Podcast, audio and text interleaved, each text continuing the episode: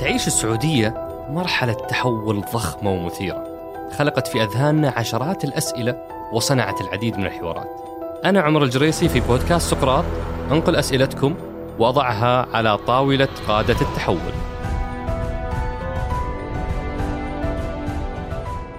ضيف حلقتنا اليوم هو صاحب السمو الملكي الأمير عبد العزيز بن تركي الفيصل رئيس مجلس إدارة الهيئة العامة للرياضة. حصل ضيفنا على شهادة البكالوريوس من كلية العلوم السياسية من جامعة الملك سعود. بعد ذلك تابع دراسة السياسة في كلية الدراسات الشرقية والإفريقية بجامعة لندن كما أنه درس التسويق في كلية إدارة الأعمال بجامعة الأعمال والتكنولوجيا في جدة. أما مسيرته الرياضية فشارك في عدة سباقات للسيارات وحقق مراكز متقدمة مثل المركز الأول في بطولة FIA GT 3 في البرتغال عام 2011 والمركز الثاني في سباق لومان ال 24 ساعة والمركز الرابع في سباق دانلوب ال 24 ساعة في دبي والمركز الثالث في سباق نوربورغرينغ للألف كيلو متر والمرتبة الأولى في سباق كأس إطارات تويو في دبي. كما أنه شارك مرتين في سباق الخليج وفاز عام 2014 بالمركز الأول والمركز الثاني في عام 2015 كما أنه حصل على المركز الثاني في سباق SLS AMG GT3 في عام 2016 نترككم مع حلقتنا اللي تأتيكم من شبكة مايكس للبودكاست. في محورنا الأول حاولنا نفهم وش دور هيئة الرياضة. وش أهم مؤشرين مسؤولة هيئة الرياضة عن تحقيقها؟ في محورنا الثاني سألنا ضيفنا وش أهم ما تم تحقيقه في ممارسة المجتمع للرياضة. وفي استضافة البطولات الرياضية العالمية. وليش جالسين نتراجع في ترتيبنا في الألعاب الآسيوية والأولمبياد الدولية؟ وفي محورنا الثالث تحدثنا عن أهم التحديات. كيف يرى تحدي الاستدامة المالية والتعامل معه؟ كيف يتعاملون مع فقدان الاستقرار الإداري؟ تخيلوا خلال آخر ست سنوات خمسة رؤساء قادوا الهيئة العامة للرياضة بمسماها الجديد أو مسماها السابق. وفي محورنا الرابع طرحنا أكبر قدر ممكن من أسئلة أصدقاء سقراط الثمينة مثل ليش أغلب فريق هيئة الرياضة ليسوا من الشباب؟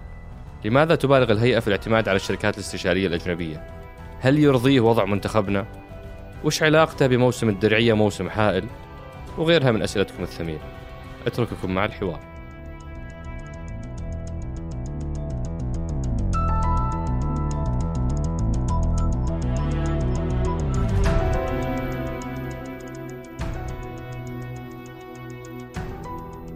حياك الله أبو تركي شرفتنا ونورتنا. أهلا وسهلا بعمر. أبو تركي آه، زي ما يقولون آه، ختامه مسك. إحنا نختم الموسم الثاني بضيف بقيمتك وقامتك. فشكرا جزيلا على قبول الدعوة. يشرفني والله. الله يشرف مقدارك وأعتقد هذه بتكون أكثر حلقة استماعا. فهي أحسن فرصة لي إني أشكر فريق عملي إذا تسمح لي. أكيد. آه، أشكر عبد العزيز الهديان إبراهيم الأشبح فهد القصير فهد الداوود نور الذيب عبد الله الرفاعي.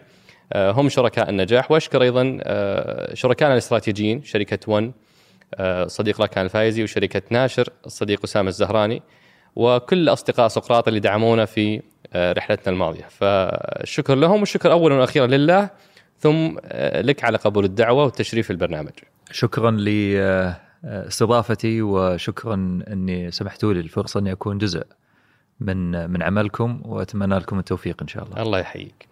أبو تركي أنا ببدأ بجون 2017 آه، آه، يعني أنت قبل هذا التاريخ كنت في رياضتك المحببه رياضة السيارات والأعمال الخاصة. بعدين فجأة صار في ترشيح ل آه، أو ثقة ملكية لمنصب حكومي.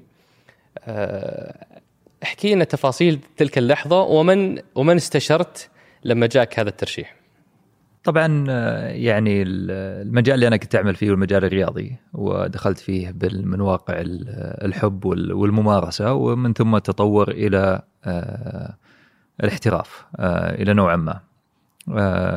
يعني أتذكر لما بديت أنا في رياضة السيارات ما كان عندنا حتى اتحاد لرياضة السيارات أتذكر أول رخصة لي كانت من البحرين. ف طورنا أسسنا اتحاد وصار في حلبة وبدينا نشتغل في هالمجال في ظل الإمكانيات المتوفرة وفي ظل الجو العام لرياضه السيارات في المملكة. والحمد لله اليوم يعني نشهد آه، عدد كبير من المشاركات اللي موجودة في آه، في في رياضة السيارات بطولات دولية وعالمية عندنا اتحاد مسجل فيه أكثر من 5000 آه، شخص فتطور العمل إلى أن يعني حظيت بالثقه الملكية الغالية من مولاي خادم الحرمين الشريفين و سمو ولي العهد على أني أكون نائب لرئيس الهيئة العامة للرياضة. فكانت طبعا أول الاستشارات كانت للوالد. يعني اتذكر اني لما كلمته وقلت له يعني إن جانت جاني اتصال وجاني التوجيه إنه بنكون يعني تعين نائب لرئيس مجلس إدارة. قال لي على السمع والطاعة. فكانت هي فورا. فورا بدون أي نقاش. و, و وهذا اللي أنا قلته يعني. إحنا اليوم طبعا الواحد إنه يكسب ثقة ولاة الأمر وفي مكان حساس ومسؤول يعني يحس بالفخر ولكن يحس بالمسؤولية ويحس بال بال بالالتزام لتقديمه هو الأفضل خصوصا إنه قطاع عام. وأيضا قطاع يتابعه الكثير ويتطلب إلى كثير من العمل والحمد لله يعني إن شاء الله إن إحنا قدرنا إن إحنا أو إني أنا أوفق يعني في بعض الأمور اللي صارت في الثلاث سنوات اللي فاتت كنائب والآن كرئيس الهيئة وإن شاء الله إن إحنا نطمح إلى تطوير هذا القطاع في المملكة العربية السعودية. بإذن الله تعالى، وهذا يقودني لمحورنا الأول اللي هو محور من أنتم.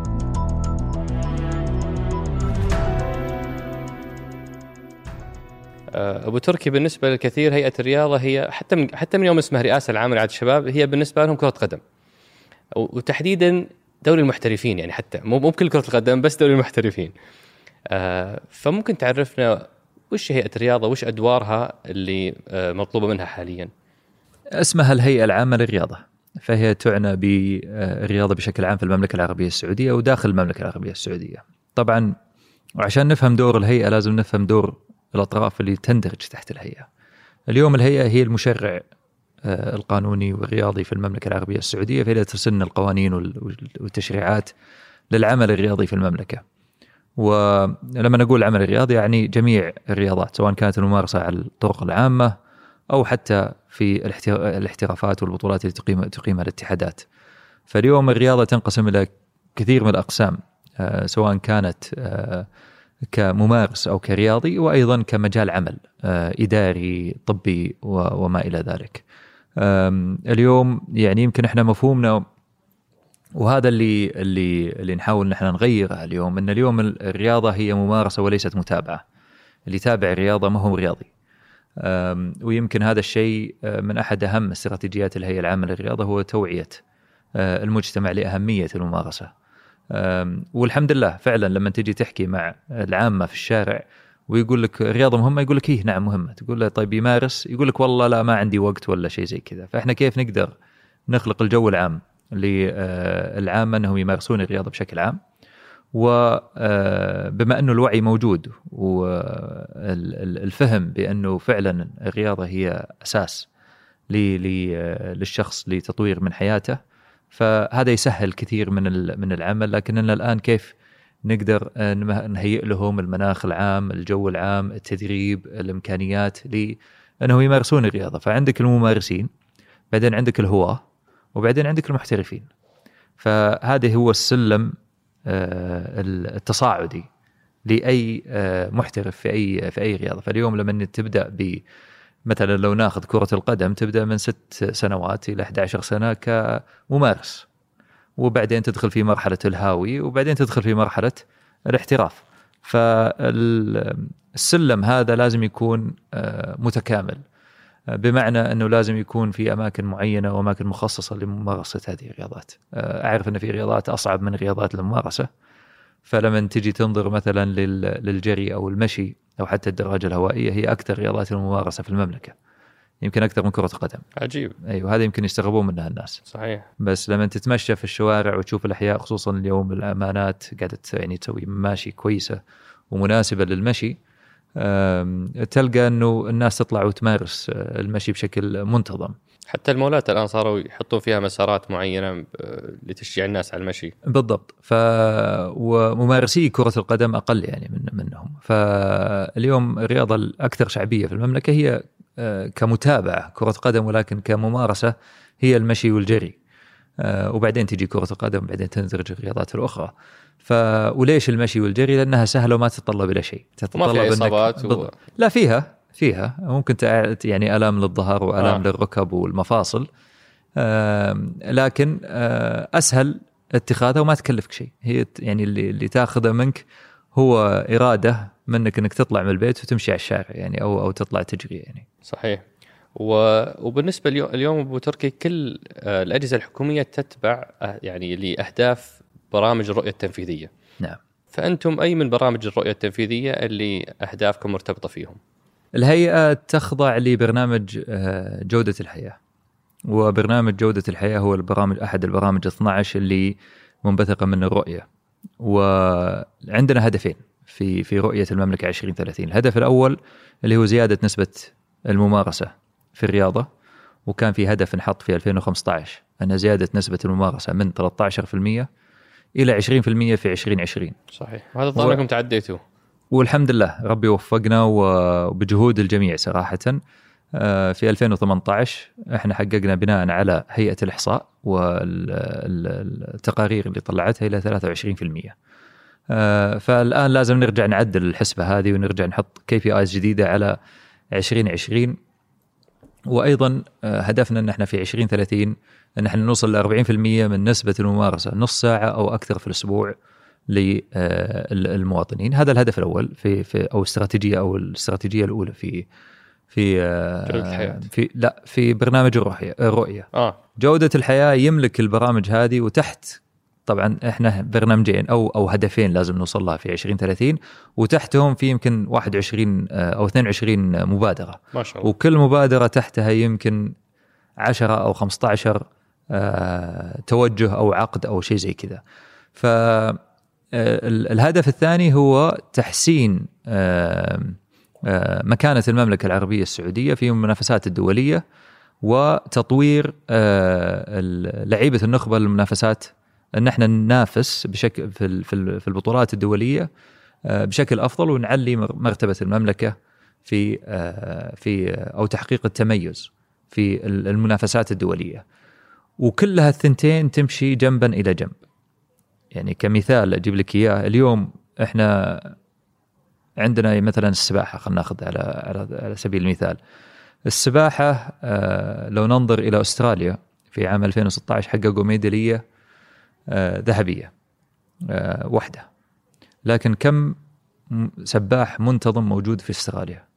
2.5 مليون سباح منتظم. كم منهم ينافس في بطولات محلية؟ 5000 ينافسون في بطولات محلية. كم منهم ينافس على بطولات دولية؟ ألف ينافسون على بطولات دولية. وصل بطل واحد. إنها قدر يفوز في آه، الألعاب الأولمبية. هذا لا يعني إن عندك فلتة ممكن أو أو أو شخص موهوب إنك ممكن تتبناه. لكن إذا تبغى تبني عمل مؤسسي وعمل يخدم المجتمع تحتاج إنك تخدم القاعدة على أساس تصفي إلى أفضل ممارس الرياضة النوعية فمن المليونين ونص طلع واحد جاب الميدالية. بالضبط.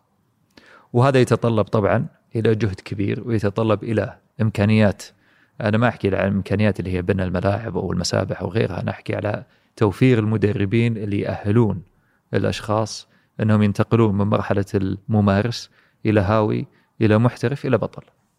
جميل.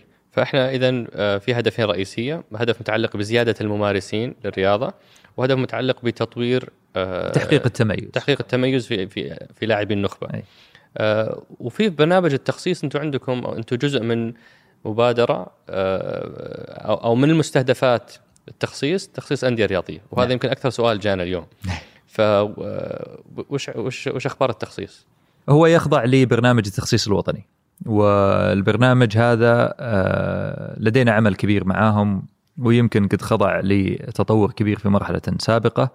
لكن لو لاحظت أنت آه، استراتيجية دعم الأندية اللي صارت السنة هذه غيرنا لوائح وانظمه الأندية. بمعنى حوكمة صار. بمعنى أن حطينا آلية للحوكمة حطينا آلية للنظام الإداري والمالي اللي موجود في الأندية.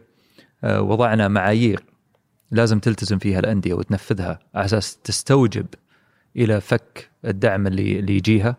آه، وضعنا طورنا بعض من الأمور ال ال ال النظامية اللي موجودة في في آلية ال في في اللوائح والأنظمة حقت في حقت الأندية عشان تعطي استقلالية للنادي ويتخذ قرارات من عنده خصوصا فيما يخص إدارة النادي. يعني اليوم مجلس إدارة النادي آه، هو اللي مسؤول عن جميع القرارات وهو يمنح الصلاحية للرئيس التنفيذي للقيام بذلك. والأعضاء النادي آه، أعضاء الجمعية العمومية ينقسمون إلى قسمين القسم العادي والقسم الذهبي.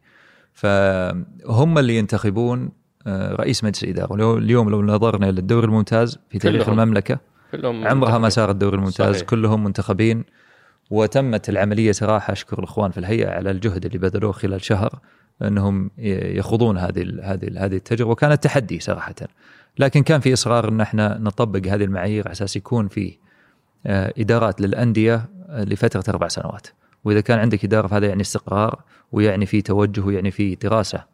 أظن أنتم بتركيا اللي أصريتوا بعد انه يكون في منصب رئيس التنفيذي. 100% بحيث أنه هو اللي يمارس الأدوار التنفيذية ومجلس نعم. الاداره يمارس الأدوار الرقابية والإشرافية. بالضبط. اللي هو ويضع استراتيجية ويضع نفس اي أي مؤسسة آه، أو أو شركة خاصة أو حتى يعني شركة شبه خاصة آه، تعمل باحتراف آه، لهذا الموضوع.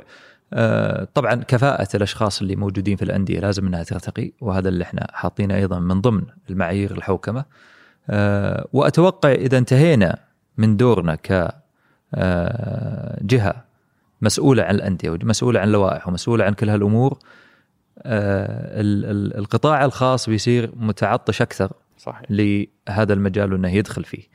في ملاحظة يعني ممكن أنا أثيرها في برنامجكم إن إحنا أيضا في اللائحة موجود إنه يسمح للشخص إنه يستخرج رخصة نادي خاص. اوه فهذا يعتبر خصخصة.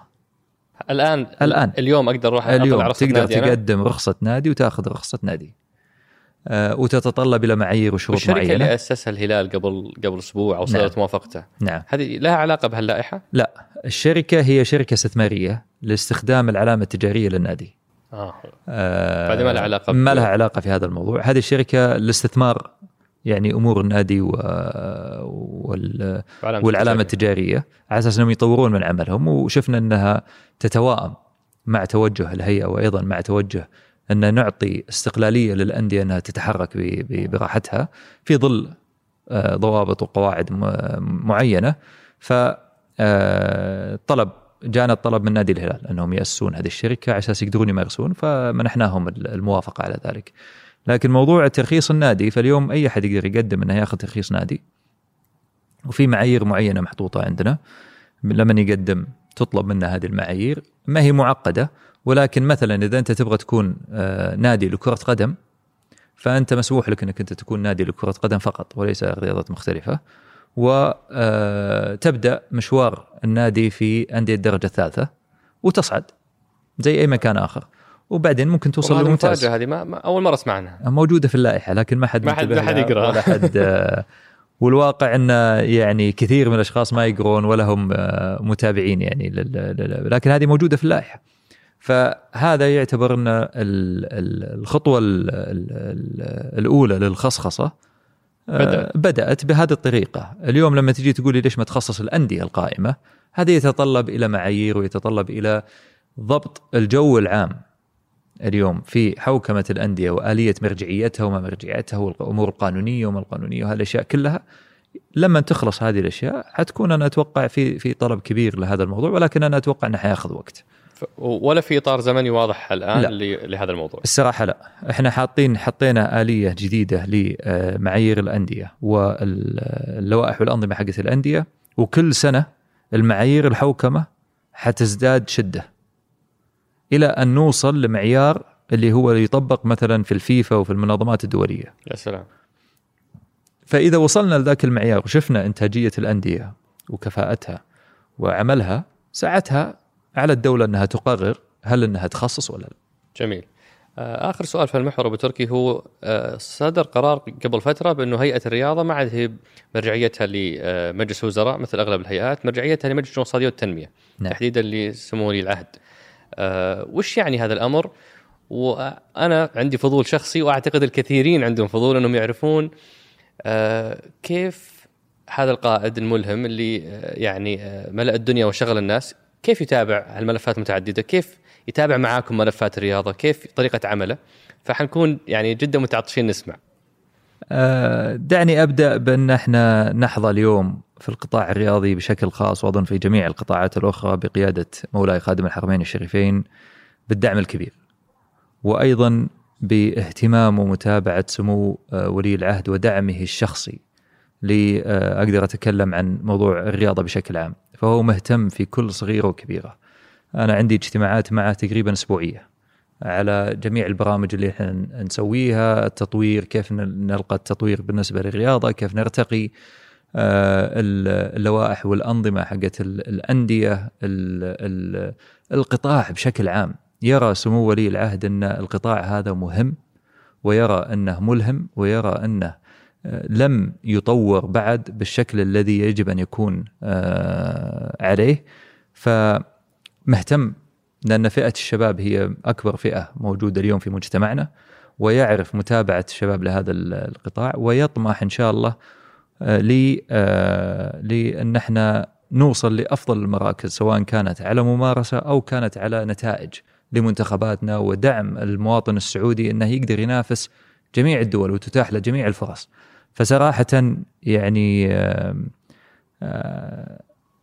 أنا دائما اقولها ان إحنا محظوظين في القطاع الرياضي اليوم. في الوقت الحالي باهتمام ومتابعة سمو ولي العهد لهذا القطاع وليس لأشخاص في هذا القطاع وإنما للقطاع بشكل عام. إنه كيف يرتقي هذا القطاع لما تصبو إليه المملكة العربية السعودية. وهذا اهتمام سموه أيضا في كثير من المجالات الأخرى. اليوم القطاع الرياضي آه، كاقتصاد رياضي يعتبر من أقوى الاقتصادات في العالم ولكن عندنا في المملكة ولا ياثر حتى فاصلة واحد في المية من الناتج القومي صحيح فهدفنا إن شاء الله في 2030 إن إحنا نوصل لفاصلة 8% بناء على أفضل الممارسات العالمية على عدد السكان وعلى المساحة وغيرها. آه كل هالأمور آه يعني آه في تحدي كبير في آه عمل كبير ولكن جميع وسائل الدعم متاحة لنا أن إحنا نرتقي. لما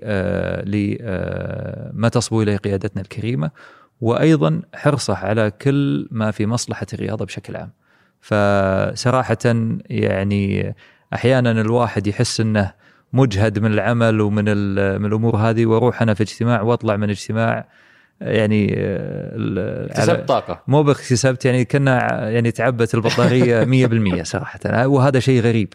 آه، يعني أنا دائما أقوله ولكن آه، سمو آه، يعني ولي العهد ملهم و و و وعمري ما قد جيته في مشكلة لحلها. ما شاء الله. لهذا الموضوع. وصراحة يعني لولا الله ثم اهتمامه ومتابعته و و و وحرصه وعلى على هذا القطاع لما حظينا بالنقلات النوعية اللي صارت في الثلاث سنوات اللي فاتت. ما شاء الله تبارك الله. عساكم على القوة وهذا وياكم يعني وهذا ما هو غريب عليه طبعا. ابدا. يعني وهذا يزيد الحمل على كل الجهات التنفيذية بانه طالما الدعم موجود فالتوقعات دائما عالية. وعساكم على القوة. اسمح لي وتركي أنتقل لمحورنا الثاني سم. آه اللي هو محور ماذا حققتم؟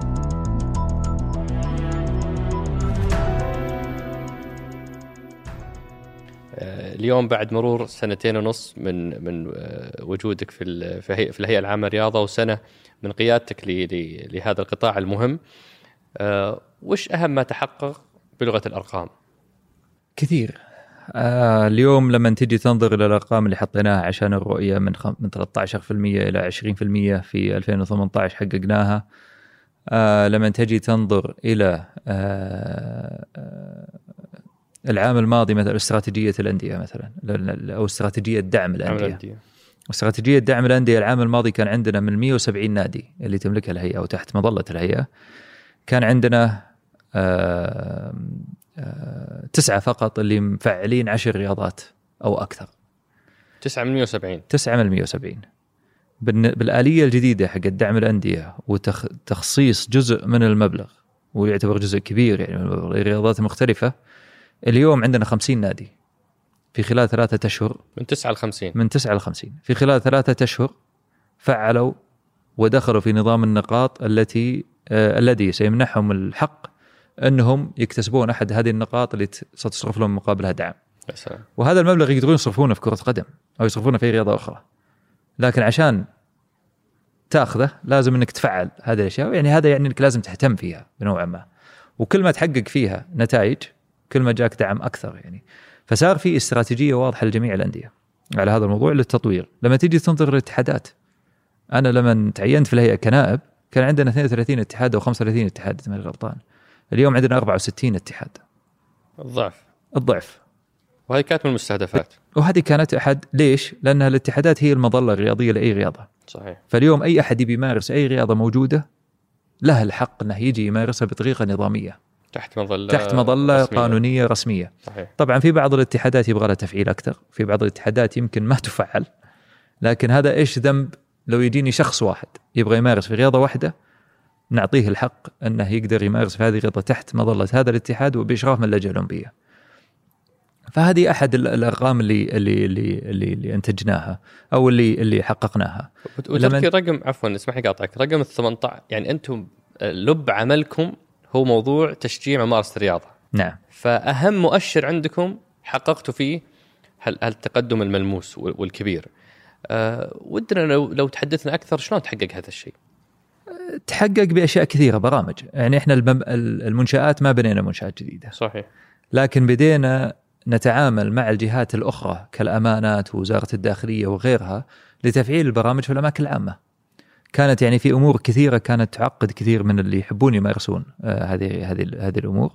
فاليوم بالتخ... بالتخاطب مع الجهات المعنية وبالتعاون معهم سهلت الأمور للجميع إنه ممكن أي أحد يطلع يمارس وصار في اطمئنان وصار في آه، ثقة في. في منح هذه الصلاحية للي يبغون يمارسون. أيضا منشآت الهيئة فتحنا منشآت الهيئة اليوم عندنا كان برنامج وإلى الآن يقام كل ثلاثاء أو شيء زي كذا انه إنه يفتح منشأة الجوهرة مثلا في جدة للعامة إنهم يجون يمارسون الرياضة فيها. آه، طبعا ما يدخلون الملعب ولكن في المرافق اللي حوالينها وهذا يعطيهم حتى للعوائل إنهم يروحون لمكان آمن ما في سيارات ويقدرون يمارسون الرياضة سواء الدراجات أو أو الجري أو غيرها. وهذا كان أحد المستهدفات عندكم بأنكم تزيدون تفعيل المرافق من المنشآت. 8% إلى نعم. 55% نعم. في 2020 بالضبط. فكيف تقدر أنت تفعل هذه المنشآت؟ بالبرامج وب ال- ال- الكفاءات اللي ممكن أنها تدير هذا الشيء.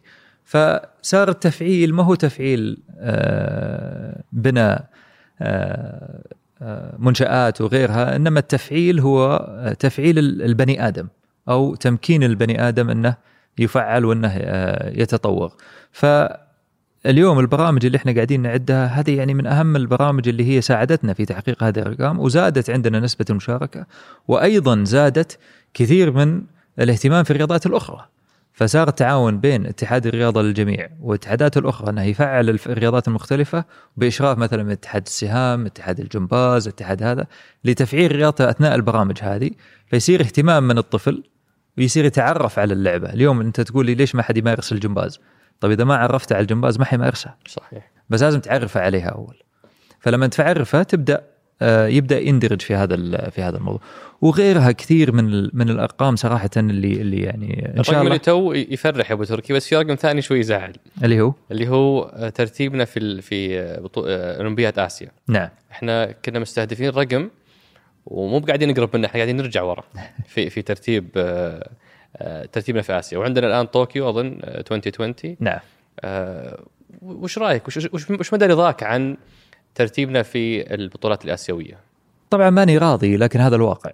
خلينا نكون واقعيين. يعني اليوم أنت إذا ما حطيت برنامج تشتغل عليه لمدة ثمان سنوات مستحيل إنك تتطور لأن غيرك حاط هالبرنامج وقاعد ينافسك عليه. هل حطينا فأنا أجيك في الكلام. فإحنا لما جت اولمبياد آسيا آه، أو الأولمبي- الألعاب الآسيوية في 2018 اتخذنا الألعاب الأولمبية الآسيوية أنها هي المعيار اللي حتعطينا إحنا وش مستوانا.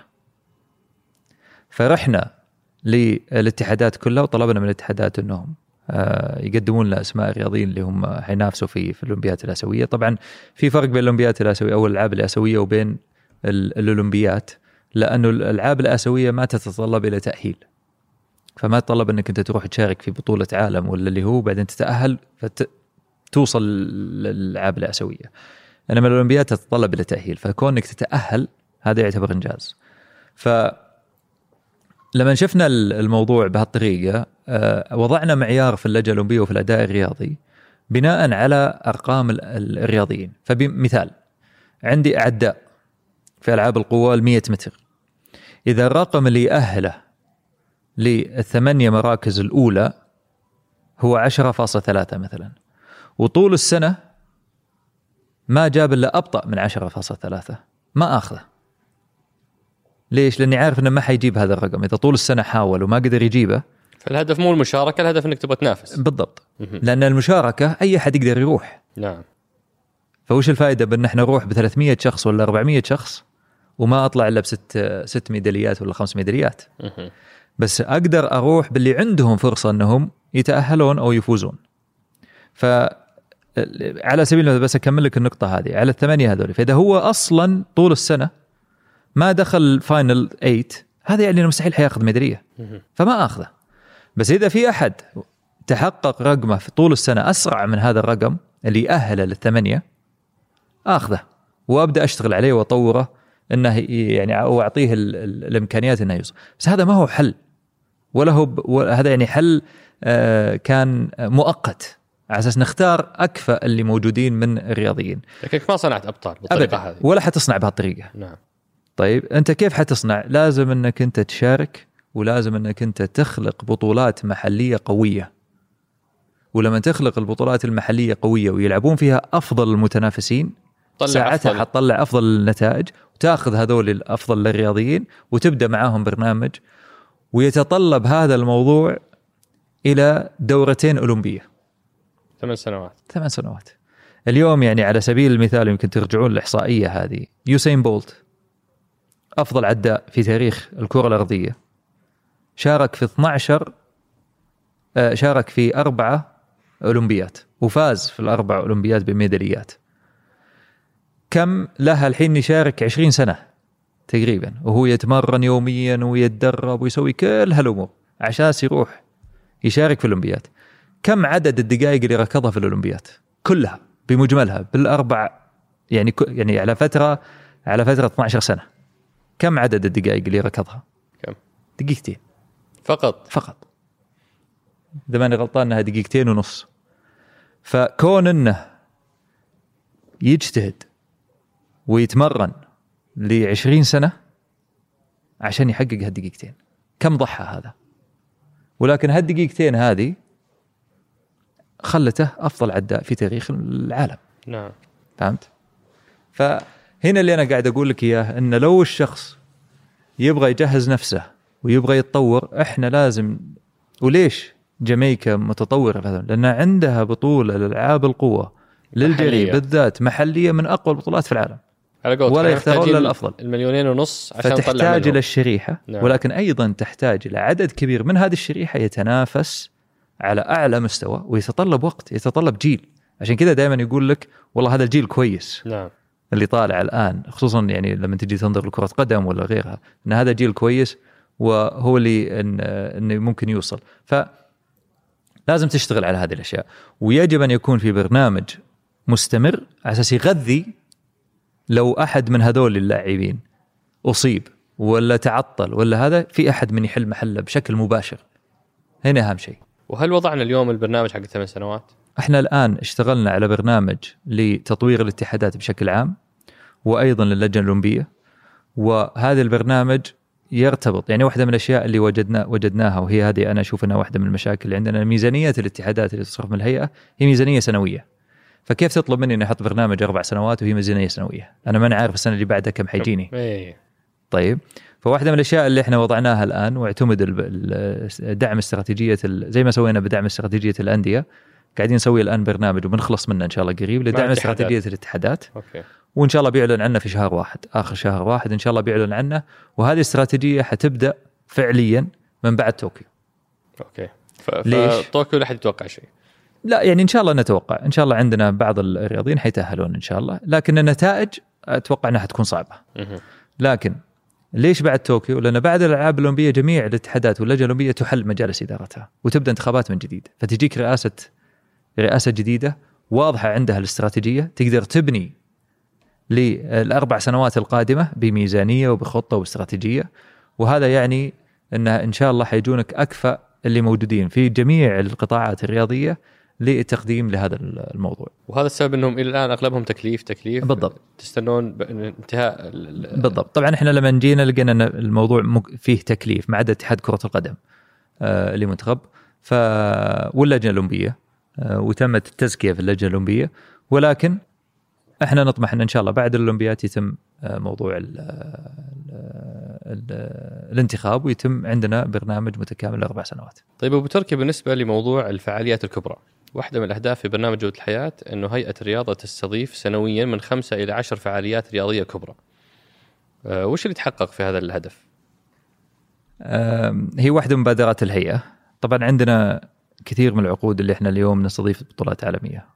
والبطولات العالمية اللي نستضيفها عندنا كأس آه، السوبر الإيطالي عندنا آه، بطولة دكار عندنا ال Formula E ال WWE استضفناها لكم مرة آه، سوبر كلاسيكو استضفناه لكم مرة. عندنا عقد جديد وقعناه مع اكستريم اي إن شاء الله بنعلن عنه قريب على بطولة أيضا رياضة السيارات في هذا المجال. فالحمد لله يعني كل يوم في عندنا فعالية جديدة قاعدين نوقعها لاستضافة بعض الفعاليات الدولية. آه، اللي نرى أنها تضيف لكثير من ال من ال من ال من التوجه اللي إحنا ماشيين عليه. فلو نظرت اليوم في موسم الدرعية إن شاء الله بيكون عندنا الملاكمة. أكبر حدث حيكون في 2019 إذا مو في تاريخ الملاكمة الحديث يعني. آه، عندنا التنس أيضا. آه، مقام في في في موسم الدرعية. هل ممكن تعلن أبو تركي عن اسم في التنس؟ يعني أنت ما أعلنت اسماء عن الأسماء. المهمة. بس إحنا ثمانية من من أفضل 20 لاعب آه، المختارينهم ل الناس تسأل عن اثنين. هل في واحد منهم بيجي؟ ممكن. ممكن. الله أعلم. استنى وشوف. طيب حنستنى نشوف في 10 أيام هي صح؟ بالضبط. أوكي. يعني إن شاء الله هي في منتصف آه، ديسمبر آه، البطولة. وهذه بطولة تعتبر بطولة ما هي تجريبية وإنما بطولة مستحدثة آه، إحنا مستحدثينها. لأنه على أساس ناخذ رخصة ال ATP وهذا الهدف إن شاء الله إحنا ناخذ رخصة ال ATP، ال ATP تصير أنت من ضمن بطولة العالم للتنس. فإذا أخذنا بطولة عشان ناخذ ال ATP لازم نسوي واحدة بطولة كنموذج أو ك pilot أو ك, ك كنموذج أن نوري قدراتنا في تنظيم هذه البطولة بعدين يجي تقييم عليها وتمنح الرخصة اللي هي ATP 250 وبعدين يصير عندك ATP 500 بعدين 1000 وبعدين يصير عندك ال Grand Slam إن شاء الله. والجميل هنا أبو تركي أنا لاحظت إنها ما هي ما هي بحدث وينتهي، يعني مثلا رالي دكار 10 سنوات. نعم. آه فورمولا إي 10 سنوات، السوبر الإيطالي آه، ست سنوات، إن شاء الله حنعلن بكرة عن بطولة ثانية بس ما أقدر أقول لكم عليها الحين. استنى لبكرة. بكرة. أستناها لبكرة. وبرضه ما أدري متى بيطلع برنامجكم. آه لا حتكون طلعت وقتها. فتقدر تقولها الحين. إي متى حتطلع؟ حتنشر الحلقة بعد 10 أيام. إي ممتاز. حنعلن عن السوبر الإسباني. أوه ما شاء الله. والسوبر الإسباني إن شاء الله أنا رايح الليلة الإسباني عشان نوقع الاتفاقية الأخيرة. ما شاء الله. وحتكون في شهر واحد. آه، طبعا حيلعبوا فيها أربع فرق. شهر واحد الجاي هذا هذا اللي جاي. أوه ما شاء الله. حيلعبوا فيها أربع فرق. آه، ريال مدريد وبرشلونة وأتلتيكو مدريد وفالنسيا. وثلاث مباريات هي. فأنا والشباب محظوظين. أول ناس يسمع الخبر أول ما الناس يعرفون على على وقت نشرة إن شاء الله الأسبوع الجاي نضحك على الناس إحنا. المهم ما تطلعونا اليوم بس. لا لا ما حتطلع أكيد. فما شاء الله هذه يعني استثمار طويل المدى. نعم. أه وقد ما الناس فرحانة فيها في ناس تتساءل وش قيمتها الاقتصادية؟ يعني إحنا أكيد هذه لها ثمن. أه وش المردود اللي جاينا من من من استضافة الفعاليات؟ لها مردود اجتماعي ولها مردود مالي. المردود المالي من بيع التذاكر والدعايات وما الدعايات والامور لكن هذا مو هو المهم المهم هو المردود الاجتماعي. اليوم عشان إحنا نثبت للعالم إن إحنا قادرين إن إحنا ننافس وننظم ونسوي فعاليات على مستوى دولي لازم نستضيف هذه البطولات في المملكة. اليوم إحنا نتغنى بكاس آسيا ونقول إن إحنا المفروض إن إحنا الأفضل في كاس آسيا. عمرنا ما استضفنا كاس آسيا. صحيح. في تاريخ المملكة. والمملكة قادرة إنها تستضيف. عندها جميع المقومات سواء كانت منشآت أو كفاءات أو غيرها. فلما تستضيف أنت هذه الفعاليات أنت توثق مكانة المملكة أنها مكان للأحداث الرياضية أو الفعاليات الرياضية. ف وأيضا ترفع من مستوى ال- ال- التنظيم هذه الفعاليات عندك في المملكة. فاليوم يعني لما تجي تنظر إلى الفورمولا E العام الماضي الفورمولا E العام الماضي شاركوا فيه 12000 آه، شخص اللي اشتغلوا فيه. 70% أو 80% منهم سعوديين. احتكوا مع شركات عالمية. تنظم على حدث عالمي. إحنا لما بدينا ما كنا نعرف كيف ننظم هذا الشيء. وانبثق منها مواسم. نعم. وصارت المواسم أنت زي ما أنت شايف اليوم.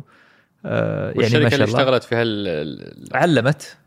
وارتفعت معاييرها وارتفعت معايير. من كذا. بالضبط. وعلمت السعوديين. والشركات الشركات السعودية اللي قدرت إنها تدخل كسب contractor مع هذول استفادوا.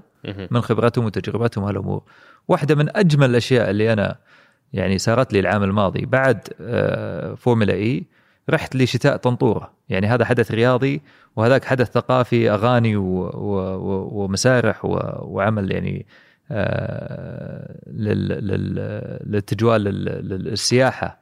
فلما وصلت العلا آه، أحد المرشدين قال لي أنا أبغى أشكرك. قلت له ليش؟ قال لاني أنا كنت أحد المنظمين في في فورمولا E. ولما جاء شتاء طنطورة وقلت لهم اني أنا نظمت فورمولا E وظفوني على طول. أنت عديت اختبارات. بالضبط. نعم. فصار معيار صحيح. لهم اكتسبوا خبرة. فإن شاء الله هذه الأحداث وهذه الفعاليات تزيد من وحتى تخلي ال- ال- الشخص المحلي أو أو ال- المواطن يعرف العالم وين وصل. من ناحية تطوير ومن ناحية لما يشوفها تقام عنده. صحيح. بالضبط. آه آخر سؤال في هالمحور ابو تركي موضوع مشاركة الفتيات أو السيدات في الرياضة بشكل عام. هذه واحدة من أهداف برنامج جوده الحياة تحفيز نعم. المشاركة. وش اللي تحقق في تفعيل نصف المجتمع من من من النواحي الرياضية؟ ما في شك إنه كثير من البرامج اللي إحنا قمنا فيها تقام للعوائل، إحنا لما نسوي برامجنا تقام للجميع. كبار في السن، صغار في السن، عوائل، آه، شباب، ذوي إعاقة، ذوي احتياجات خاصة، الجميع. نحظى يعني أو أو نهتم بأن إحنا يكون عندنا الشمولية في آه، في الاهتمام في جميع فعالياتنا، وهذا من أساسيات الهيئة.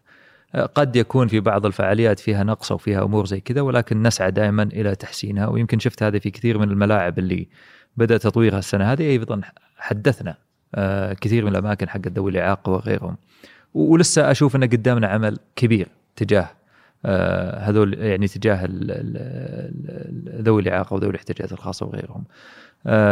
ولكن لما تجي تنظر إلى ممارسة المرأة الممارسة المرأة هي نصف المجتمع. إحنا عندنا اثنين من أكبر الأمراض اللي ت... اللي اللي اللي, اللي تسبب مشاكل لل- للمواطنين هي السمنة والسكري. والسكري من الدرجة الثانية. نعم. واثنينهم مربوطين بالحركة. صحيح. بشكل مباشر. فاليوم يعني نعرف إنه ونسمع قصص ويمكن صارت لحالات بعض الأقارب إنه يولد آه، الطفل هو معاه سكر. فإذا الأهل ما اهتموا في انفسهم الجيل اللي جاي ما حيكون الثمن بالضبط ولا حيكون على إنه آه، قادر إنه يواكب ال- اللي قاعد يبني له هذا. فإحنا لازم نهتم بالاثنين. هذا من ناحية مبدأ ومن ناحية آه، مسؤولية. لازم إن إحنا نخدم الجميع. من ناحية المنافسات يجب ان نهيئ للعنصر النسائي إنه يكون لهم أماكن مخصصة يكون لهم تدريب بشكل معين يكون لهم آه، نحترم آه، خصوصيتهم ونحترم جميع ال ال ال الأمور التي آه، تطمئنهم أنهم يمارسون الرياضة بشكل آه، يريحهم إحنا ما نجبر أحد على أنه يسوي شيء ما يبغاه ولكن أظن أن قدامنا يعني طريق كبير أو أو مشوار إلى أن نصل إلى المستوى اللي إحنا نطمح له لأن يجب أن يعني أن أن نؤهل الكفاءات التدريبية للعنصر النسائي على أساس أنهم يقدرون يوصلون للمراحل المتقدمة. الحمد لله آه، قبل أسبوع آه، كان فيه البطولة الخليجية النسائية وشاركوا سبع منتخبات من المملكة. عجيب. آه، نسائية. وحققنا ميداليتين ذهبية أظن 11 فضية وأظن سبعة برونزية.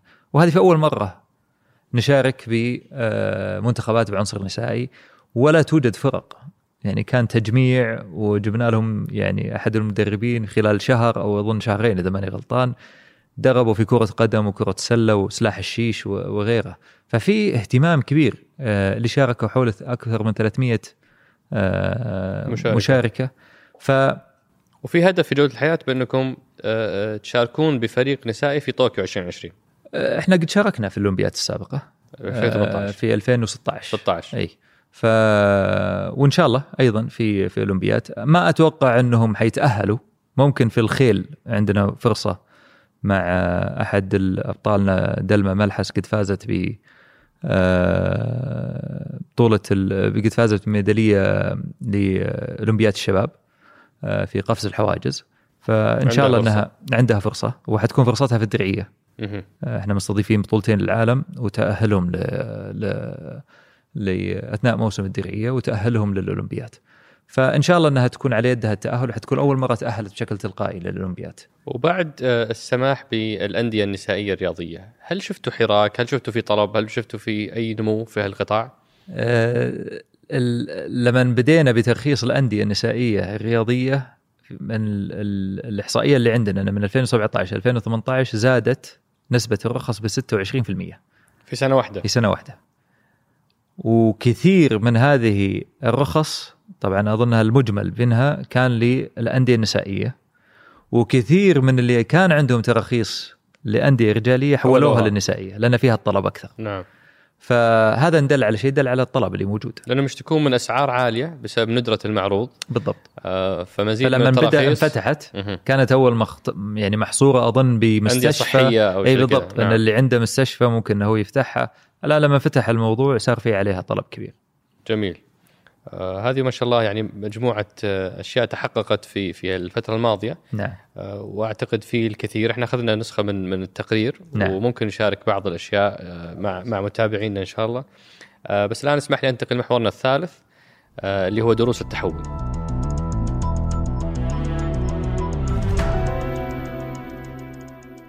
وبتركي أنت تعمل في في في قطاع يعني في في عدة تحديات. آه يعني من التحديات اللي مثلا وصلتنا على شكل استفسارات من الناس هو موضوع الاست- الاستدامة. يعني عشان نبني قطاع ناضج صح. آه، مفهوم الاستدامة مفقود في قطاع الرياضة. كل شيء عايش على الدعم الحكومي وعلى الإنفاق الحكومي. صحيح. ف... ف... فكيف تتعاملون مع هذا التحدي؟ أنت قبل شوي ذكرت بأن الميزانيات سنوية. أي. فأنت حتى ما تقدر تخطط للثمان سنوات حقت صناعة الأبطال. كيف تتعامل مع فقدان عنصر الاستدامة في منظومة القطاع الرياضي أرجع أقول يعني المحور الأساسي في هذا الموضوع سواء كان الاستدامة المالية أو الاستدامة الإدارية أو استدامه البرامج اللي إحنا نقيمها آه، هي وضع معايير ووضع خطط ووضع حوكمة أنها ترتقي بالقطاع الرياضي انه يتطلب أي قطاع إنه يدخل فيه أو يطمح إنه يدخل فيه. اليوم لما تجي تنظر للقطاع الرياضي بشكل عام اللي معروف هي الأندية اللي موجودة. لكن القطاع الرياضي أكبر بكثير من كذلك. آه، اليوم حتى الأندية ما هي قادرة تحافظ على علاماتها التجارية. فكيف تبغى يكون فيها استدامة وتبيع منتجات وتبيع هذه الأشياء؟ فبالمعايير اللي قاعدين نشتغل عليها وبالحوكم اللي قاعدين نشتغل عليها كنادي إنه يقدر ينشأ شركة للاستثمار. نعم. وتحفظ حقوقه. وهذه الحقوق تبدأ تكد أو أو أو أو تزيد من مداخيل النادي. يصير عنده علامة تجارية يقدر يبيعها للرعاه اليوم يعني لما نجي ننظر مثلا بالأندية الكبيرة كثير منهم عندهم آه، رعاة بالملايين. ما هي رخيصة. نعم. فهذا ندل على شيء دل أنه فيه طلب. لكن إذا كمان تخيل لو نظمناه كمان زيادة. وصار واضح للمستثمر وش له وش عليه. اليوم ما هو واضح. خلينا نكون صريحين. نعم. ويلجأ لمين إذا صارت مشكلة؟ ويروح يترافع عند مين إذا صارت مشكلة؟ فكل هذه الأمور تتطلب إلى آه، تعديل وتتطلب إلى حوكمة وتتطلب إلى آه، إجراءات. إذا وقت ما يحس القطاع الخاص انه حقوقه محفوظة وفي آلية معينة يقدر يتابع فيها حقوقه أنا أتوقع أن من أهم لأن اللي لاحظه أن كل أحد يبي يكون في القطاع الرياضي بس ما حد يبي آه، يلتزم في القطاع الرياضي. نعم. فهذه تمنع الاستدامة. القطاع الرياضي مشوق للجميع. يعني كثير ناس يدخلون في القطاع الرياضي بس من صيد. بالضبط. نعم. ف... وهذا شيء إيجابي. بس في يعني الجهه في الجهة الأخرى بتركي استدامة الدعم اللي موجود. يعني اليوم مثلا في دعم عشان الأندية تجيب لعيبة بمستوى معين ومدربين بمستوى معين وفي دعم لسداد ديونهم. بس هذا لو وقف رجعنا للمربع الصفر من جديد. ما هو شرط لأن أنا أعتقد إنه بالحوكمة اللي موجودة الآن وكل ما رصينا على الحوكمة أرجع أقول معايير كل ما زودنا من المعايير كفاءة الأندية حتزيد. فهذا يعني الصرف حيقل لأن كفاءتهم أكثر مما أفضل مما كانوا. فإذا زادت زادت الكفاءة المالية هذا يعني إنه ال ال ال ال الصرف اللي ما اللي يعني يصرف آه، يكون فيه حوكمة أكثر فحيقل موضوع الصرف. آه، فهذا يعني إنه الالتزامات المالية على الأندية حتقل أنا في وجهة نظري إذا زادت الكفاءة الإدارية. لأنه حيبدأ يفكر في الهللة. نعم. آه، قبل ما يتخذ أي قرار وقبل ما يتخذ هذه الأشياء. فهذا مجال إحنا لازم نتبعه. ومن صورة أخرى اليوم قيمة الدوري وقيمة السوق وقيمة النقل آه، التلفزيوني قاعدة تزيد بشكل مهول. يعني أمس مباراة أمس حقت الهلال وراوا عدد المشاهدة في الاتحاد الآسيوي وهي ما هي منقولة على التلفزيون منقولة على الرابط حق الاتحاد الآسيوي 4.5 مليون. حقين الاتحاد الاسيوي من جنين صدق والله يعني نعم. فهذا وين جت؟ جت من نادي. سعودي نعم. صراحة وياباني يعني بس كمان نادي سعودي هو اللي له الأغلبية لأن كانت حتى التعليق بالعربي في في القناة اللي كانت مخصصة لنا ف هذا ندل على شيء دل على أن في طلب كبير ولكن يجب أن ننظم القطاع الرياضي، اليوم لما تجي تستثمر في البنوك تدخل وأنت مغمض. ليه؟ لأنك عارف وش لك وش عليك وعارف إن في أشياء فإلى أن نصل لهذا الموضوع أنا أتوقع إنه حيكون في توازن بين إن إحنا ننقص أو نزيد من الكفاءة الأندية ويصير ينقص من آه، صرفهم للمبالغ وأيضا آه، نزيد من آه، اهتمام القطاع الخاص في هذا المجال ويبدأ يدخل وهو مرتاح عارف إنه يقدر يوقع عقود ثلاث سنوات أربع سنوات خمس سنوات ويجني من وراها استثمارات عائدة له والكل يطلع مبسوط في هذا الموضوع. طبعا كانت واحدة من أكبر المشاكل مثلا تكليف الأندية كرؤساء. يجيك رئيس السنة هذه السنة الجاية ما يبي يجي يجي رئيس ثاني يشيل كل العقود اللي صارت على الرئيس هذا وندخل إحنا في قضايا صحيح. على هذا الموضوع. بس اليوم لما يصير في تكليف حتى موضوع تسليم الإدارات والأمور المالية والتسليم والاستلام يجب أن يتم. وإذا في أي التزام لازم أن يلتزم به مجلس الإدارة الحالي. قبل ما انه يسلم لي. وهذا موجود في اللائحة. بكل عقودهم و... وما حيكون في تهرب من المسؤولية. ابدا. آه، وفي تحدي ثاني بتركيا موضوع الاستقرار على مستوى الهيئة نفسها. نعم. يعني إحنا نتكلم في آخر ست سنوات خمسة رؤساء الهيئه آه، هل يمثل هذا تحدي بأنه آه، كل قائد له له رؤيته له منهجيته له فريق عمله المق... يعني ال ال الأساسي هل هذا يمثل تحدي؟ موضوع الرؤية رؤية المملكة 2030 أظنه جسد هذا الشيء في جميع القطاعات اليوم لما أنا جيت أنا ماشي على مبادرات اللي تمت في وقت الامير عبد الله. فهذا لم يعد تحدي. فلم يعد تحدي. لأن الأهداف ثابتة. لأن الأهداف ثابتة ومطلوبة مهما تغير القادة. لما آه كنت نائب وكان آه معالي محمد آل الشيخ هو رئيس الهيئة كان المبادرات الهيئة هي المبادرات اللي وضعت من 2015 على وقت الامير عبد الله ومستمرين فيها على نفس ال KPIs يصير تعديل بسيط منا ومنا لكن الهدف الأسمى والهدف الأساس ما يتغير. لما جاء معالي تركي آل الشيخ وصار هو رئيس الهيئة أيضا استمرينا على نفس المبادرات. لما صرت أنا رئيس الهيئة إلى الآن مستمرين على نفس المبادرات. يصير في تعديل وتكييف للوضع لأن خلال ثلاث سنوات صار في إنجازات كثيرة وفي صار في تغييرات وصار في أشياء. فيصير لكن المخرجات واحدة. اليوم لما ترجع المخرجات حقت الهيئة هي مستمرة. فاليوم حتى لو تغيرت ال ال ال الإدارات اللي تتوالى على الهيئة المستهدفات اللي تتابع من برنامج جودة الحياة وأيضا من آه، مجلس الشؤون الاقتصادي والتنمية هي واحدة ويجب على آه، المسؤول إنه ينفذ هذه المبادرات. جميل. آه، آخر تحدي ودي أسمع رأيك فيه أبو تركي هو موضوع الاهتمام الجماهيري الهائل بكرة القدم في السعودية. واعتادوا بأنه رئيس هيئة الرياضه في يعني على مدى تاريخ معين من من منذ القدم يعني نتكلم عن 10 سنوات 15 سنة. ورئيس هيئة الرياضة أو رئيس رعايه الشباب هو المظلة اللي يلجؤون له الأندية في مشاكلهم في قضاياهم. يعني كيف تتعامل مع تحدي إنه اعلاميا وجماهيريا الكل مهتم بهذا الموضوع؟ they are demanding يعني هم يطلبون منك اهتمام يطلبون منك مشاركة آه، حتى تكون على حساب مسؤولياتك الأخرى. كيف تتعامل مع هذا التحدي؟ أنا أتوقع إذا إذا الكل عرف وش دوره تسهل العملية. اليوم الهيئة لها دور اللجنة الأولمبية لها دور الاتحاد السعودي لكرة القدم له دور الرابطة رابطة دوري المحترفين لها دور والنادي له دور. وش دور كل واحد فيهم؟ ومين المفروض يقوم بهذا الدور؟ هل الهيئة تقوم بدورهم كلهم؟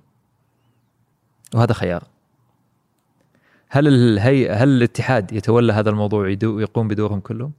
هل في مصالح مشتركة بيننا وبينهم؟ ما في شك إحنا اليوم نعمل في قطاع واحد فأكيد انه في اوفرلاب في بعض الأمور ويكون في تجانس ويكون في تنسيق ويكون في أمور زي كذا وخصوصا إن كثير من الموارد المالية من الهيئة خصوصا الأندية والاتحادات وغيرها فاليوم لو تقول لي الهيئة تطلع من الصورة تماما وما لها علاقة في الموضوع تحتضر الأندية والاتحادات وال, وال... ما يمديها تمارس عملها. صحيح.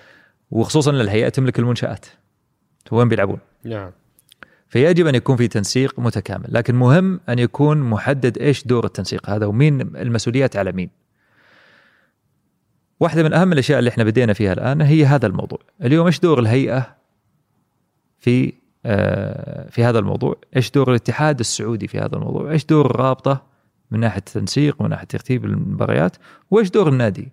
وفي علاقة مباشرة بين الرابطة بين الهيئة والنادي لأن الهيئة هي اللي تملك النادي. ففيه يعني آه، شوي حوسة في موضوع التركيبة هذه. لكن أنا مؤمن إيمان تام إن الدور اللي علي أنا الهيئة هو اللي لازم اقوم به أنا لازم أجهز المنشآت ويعني أتمنى إن إحنا أتوقع إن إحنا كمان استعدينا هالموسم استعداد آه، أنا أشوف أنه كويس ولكن ما هو المأمول. أتمنى أن إحنا الإخوان في الشؤون الفنية صراحة اشتغلوا خلال ثلاثة شهور في الصيف. استعدادات مهولة في كثير من المنشآت. الحمد لله ارضيات الملاعب عندنا ممتازة. البوابات الالكترونيه ركبت. آه، منصات البيع اللي في الملاعب تطورت آه، منصة للتذاكر الإلكترونية للأندية اللي ما عندها منصات أنها تستخدم هذه المنصة. النقل التلفزيوني عن أو النقل بث المباريات عن طريق GSA Live اللي هو ال app حق الهيئة. ففي خدمات كثيرة قدمناها على أساس نسهل عملية آه، وهذا دورنا إحنا نقدم خدمات للجميع. لما تيجي تنظر للأمور القانونية وغيرها من الاتحاد؟ هو اللي يشرع فيها هو هو المعني في كرة القدم. إحنا ما نتدخل في هالأمور ابدا. يفصل موضوع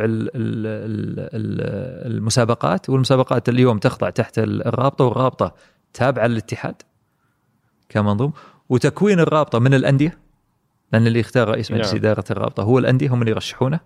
فالمسؤولية على الرابطة إنها تنظم مباريات كرة القدم. إحنا من جهتنا أن الملعب يكون جاهز أرضية جاهزة إضاءة جاهزة وفقا للمعايير اللي تضعها الرابطة. وهم يجون يستلمون إدارة المباراة. والنادي عليه إنه يشتغل على على على لعيبته وعلى المسابقات اللي تجي وعنده جهات قانونية يتبع لها. آه، يعني اليوم أنا شايف انه يعني حتى لما أنا جيت في أشياء كثيرة مثلا إيش دور الهيئة وإيش دور اللجنة الأولمبية؟ صحيح أنا يعني سؤال ممكن أطرح لك إياه آه، الاتحادات تتبع اللجنة الأولمبية ولا الهيئة؟ المفروض اللجنة الأولمبية طيب الاتحادات اللي ما هي أولمبية؟ أيوه هذه تتبع مين أجل هذه؟ تتبع لل... يعني لما نفهم التركيبة نعرف هي تتبع مين. تتبع البادجت تجي من الهيئة صح؟ شكرا. فالمسألة ما هي يعني أسود وأبيض. نعم. المسألة في أمور تتبع للهيئة من ناحية البادجت ومن ناحية الفندنج ومن ناحية هذه الأشياء وللهيئة لها الحق أنها تتابع على كل اتحاد هذا المبلغ وين راح. نعم. اليوم يعني في أسمع كثير من الكلام يقول إنه إذا الهيئة تدخلت في أمور الأندية آه، في أمور الاتحادات تجمد الاتحادات وما ما تجمد الاتحادات إلا إذا تدخلت الأمور الهيئة في الأمور القانونية والأمور اللي تخص اللعبة من الناحيه الاداريه وغيرها، أما إذا في بادجت جاي من الهيئة لها الحق إنها تدقق عليه. صحيح. وهذا اللي إحنا متابعينه. لأن إحنا نتابع الاتحادات في تقارير آه، شهرية وربع سنوية يرفعوا لنا إياها على إنجازاتهم، على المسابقات اللي يشاركون فيها، كم عدد الاثليتس وغيرها، عشان نتأكد إنه المبالغ اللي تصرف للاتحادات تروح في المكان الصحيح. الاتحادات الأولمبية تتبع اللجنة الأولمبية وغيرها تتبع اللجنه الأولمبية هي المنظمة الأولمبية كل شيء يتبع لها. اللي هي ال Olympic spirit أو ال أو ال أو ال المناخ الأولمبي اللي تو اللي هي يعني تنشره في العالم وهذا هذا المناخ اللجنة الأولمبية يعني مهتمة في هذا الموضوع خصوصا في البرامج التوعويه وغيرها، الناس تحسب إن اللجنة الأولمبية عملها كل أربع سنوات روح نعم. الاولمبيات وبس وانتهى الموضوع، خطأ. اللجنة الأولمبية تضع المعايير، تضع على الاتحادات الفنية، تضع المتابعة، تضع كثير من الأشياء اللي تخص الاتحادات إنها تتأكد إن الاتحادات وبعدين تتولى موضوع المنتخبات أثناء المنافسات المجمعة الدولية لما تروح الألعاب الآسيوية كل الفرق لما تروح اليوم للاولمبيات تروح كفريق السعودية ما تروح كاتحاد كاراتيه ولا اتحاد جمباز ولا اتحاد آه، ألعاب قوة. تروح أنت كفريق واحد. نعم. كلهم لابسين نفس الشيء. حتى في المسيرة لما يمشون ما تعرف. صحيح. هذا رياضي في أي رياضة. لأنك تروح تمثل البلد. فأنت لأنك رايح تحت من- منظومة اللجنة الأولمبية. في مسابقات تخضع لها الاتحادات أو التابعه للاتحادات زي البطولات العالمية وغيرها. هذا عاد يخضع تحت الاتحاد ويروح مع الاتحاد البرنامج وكل هالأمور. فلما نفهم إحنا المنظومة وإيش دور كل منهم تسهل عملية فهم الاليه العمل معهم. وأنت حريص إنك تعزز هذا الموضوع وتخلي كل يقوم بدوره. مية بالمية. أنا يعني آه، مؤمن بأن لو كل آه، جهة تولت أمورها واللي مسؤولة عنها حتتطور هذه الجهة وحيكون لها اكتفاء ذاتي طالما أن الهيئة تتدخل عمره ما حيوظف الموضوع الشغل بيجي من الهيئة. فليش يوظف عنده؟ صحيح. فلأنه حيصير عنده اكتفاء ذاتي ويتم الإبداع في إن ال ال ال الناتج اللي حيخرج من هذا الموضوع. تحمل المسؤولية لأن الموضوع وتحمل المسؤولية 100% اليوم بس لازم نحدد وش المهام صحيح. اللي على كل أحد ولازم يكون فاهم هذا الموضوع. وهذه تحددت؟ ما في شك. اليوم يعني ما نتدخل إلا إذا حسينا إنه يحتاج الجهة المعينة تحتاج إلى دعم معين. على أساس ما ي... ما ي... ما ي... يعني يقع في في في في أي تعطيل أو أي شيء يأثر على آه، المصلحة العامة تتدخل الهيئة. بس اليوم الاتحاد السعودي ابدا ما نتدخل فيه ولا نتدخل في عمله. علاقتنا مع الاتحاد السعودي هي المنشآت هي المنتخبات آه، دعمهم يعني في المنتخبات وتوفير لهم جميع ال- الإمكانيات أنهم يقومون بعملهم التام. آه، وأيضا الأندية. جميل. أبو تركي أنا ودي أختم هذا المحور وأنتقل محورنا قبل الأخير أو محورنا الأخير بس عندي سؤال.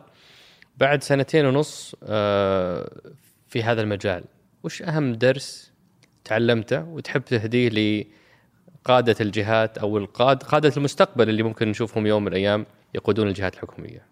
الإيمان بالعمل اللي يقوم به الواحد إذا كان مخلص إنه يثق بالعمل اللي هو قاعد يقوم به والصبر. الصبر. الصبر. هذه طلعت معها ابتسامة. اي الصبر.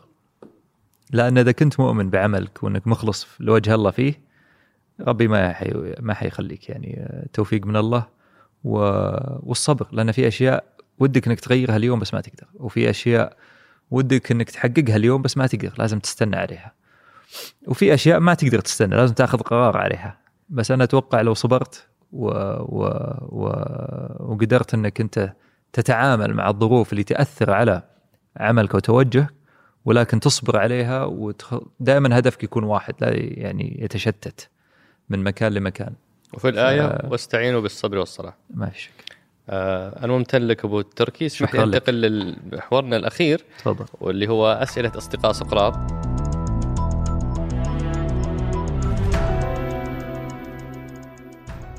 إحنا حق... إحنا حققنا رقم قياسي ابو تركي ما شاء الله. يعني بالعادة إحنا نعطي رابط الأسئلة يومين مثلا. آه المرة هذه. يعني كسرنا كل الأرقام حتى الآن 12 ساعة. ما شاء نكمل الله. 24 ساعة وجانا فوق 250 سؤال. من حظي هذا. آه هذا من كثير يعني من اهتمام الناس الكبير وحماسهم. آه بس اسمح لي لأن عشان ناخذ أكبر قدر من الأسئلة إنها تكون إجابات ستايل سناب شات. صح. سريعة ومختصرة ومباشرة. آه سؤال خصخصه بحاول يعني. يعني إذا كان متاح سؤال خصخصه إحنا جاوبنا عليه. في سؤال عن موضوع أندية الرماية. يقولون ليش ليش نضطر نروح آه، دبي ولا الإمارات عشان نمارس هواية الرماية؟ في آه، تنظيم للوائح وأنظمة اتحاد الرماية وإن شاء الله شغالين مع وزارة الداخلية على هذا الموضوع. في وقت متوقع إن شاء الله قريب. قريب. نعم. آه بعض ال- ال- السيدات يقولون إحنا إلى الآن ما عندنا تخصص تربية بدنية. يعني كيف حنطبق آه آه يعني التربية البدنية في المدارس وما في كلية تخرج مدربات؟ والله أنا توني جاي من كلية آه، ال- العلوم الرياضية والتربية البدنية في جامعة الملك سعود. وعندهم تخصصات وعندهم قسم نسائي أظن عندهم 350 طالبه اليوم. ما شاء الله. لكن صراحة فوجئت بالإمكانيات اللي موجودة عندهم ما كنت أعرف عنها. واليوم شفتها صراحة. فهذا موجود وأتمنى باقي الجامعات طبعا. موضوع التعليم ما هو تحتنا يعني لازم نتعاون مع وزارة التعليم عليه لكن أتمنى مع باقي الجامعات إنهم يتوسعون في الموضوع آه في سؤال هنا الدعم إلى متى؟ هل محدد يعني السنة هذه في 2.5 مليار نعم آه، دعم سخي السؤال إلى متى هذا الدعم بيستمر؟ إلى أن نرى أنه تقدر الأندية أنها تقوم بنفسها والدعم ما هو الدعم فقط لأن الأندية تبغاها أنها تصرف عليها فلوس أو شيء زي- وإنما هو دعم لقطاع إلى أن ينمو هذا القطاع بالطريقة الصحيحة. وزي ما قلت لك. ويرفع بالضبط. فاليوم إدارات الأندية كلها منتخبة هذا يعني الأربع سنوات القادمة. فإن شاء الله يكون فيها استقرار وتطوير ونمو ويعني الدولة ما حتقصر معنا في كل شيء يعني. ك يعني طول عمرها آه، تدعم في جميع القطاعات والقطاع الرياضي من أهم القطاعات زي ما ذكرت لك أول. وهذا الدعم إن شاء الله إنه مستمر لتنمية هذا القطاع.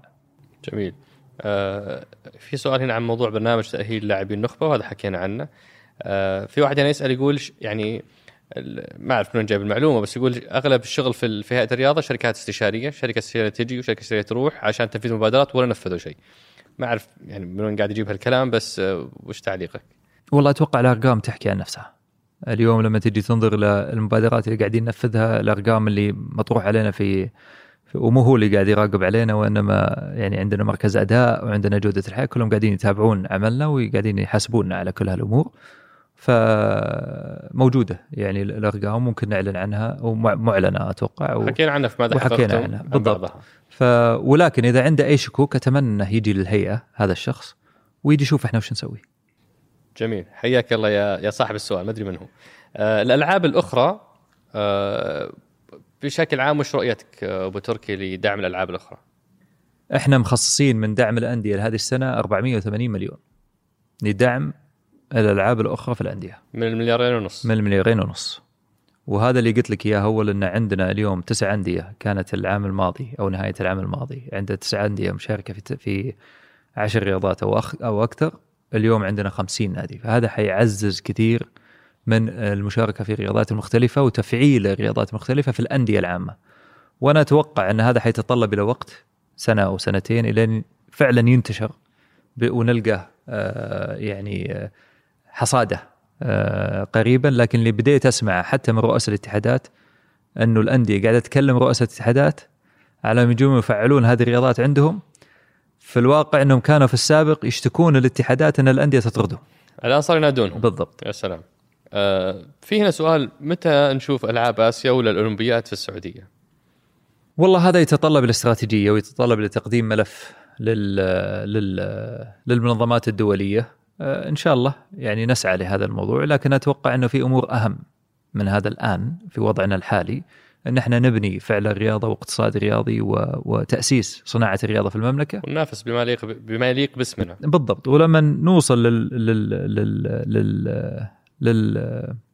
للمراحل المتقدمة في هذا الموضوع ساعتها حيكون الاستضافة سهله أتوقع آه هنا في سؤال من من من أهل المدينة. واحد يقول أتكلم بحرقة على قطبي كرة السلة. آه في في المدينة لأنهم قاعدين يضعفون و- و- و- ويخرجون من ال- من من موقعهم الذي يستحقونه. آه وش رأيك في موضوع كرة السلة؟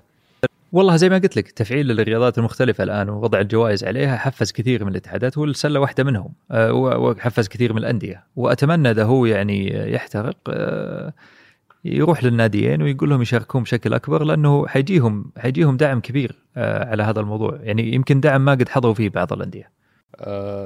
في هنا سؤال عن دور الهيئة في موضوع التعصب الرياضي.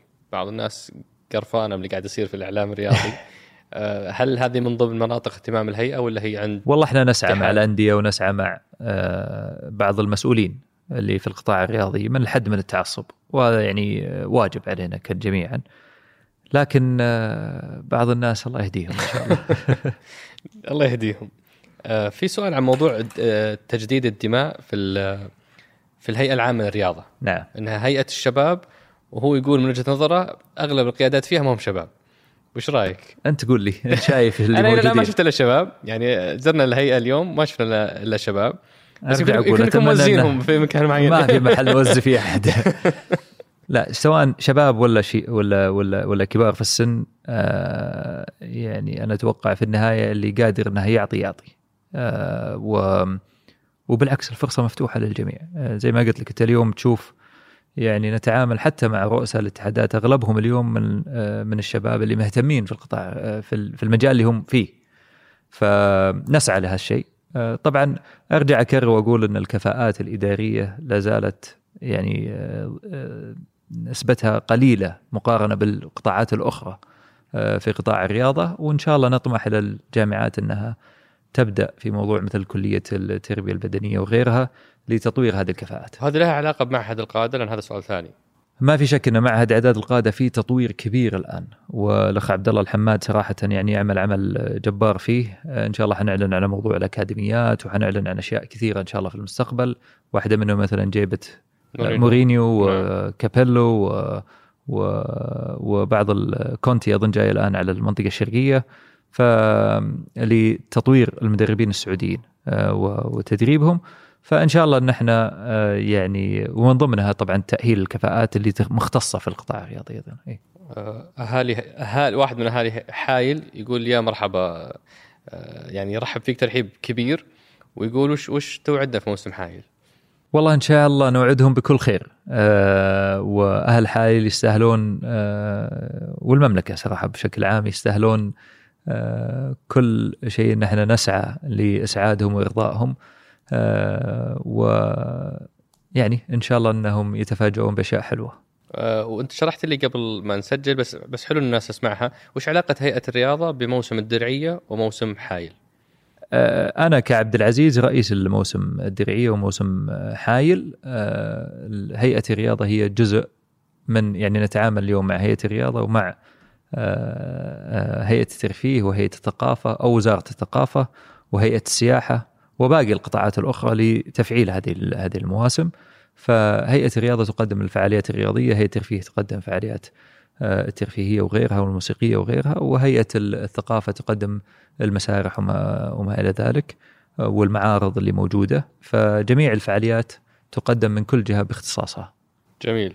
آه، أصحاب هواية تعديل السيارات يشتكون لك. نعم. ويقولون إلى الآن إحنا المرور يعتبرنا مخالفين.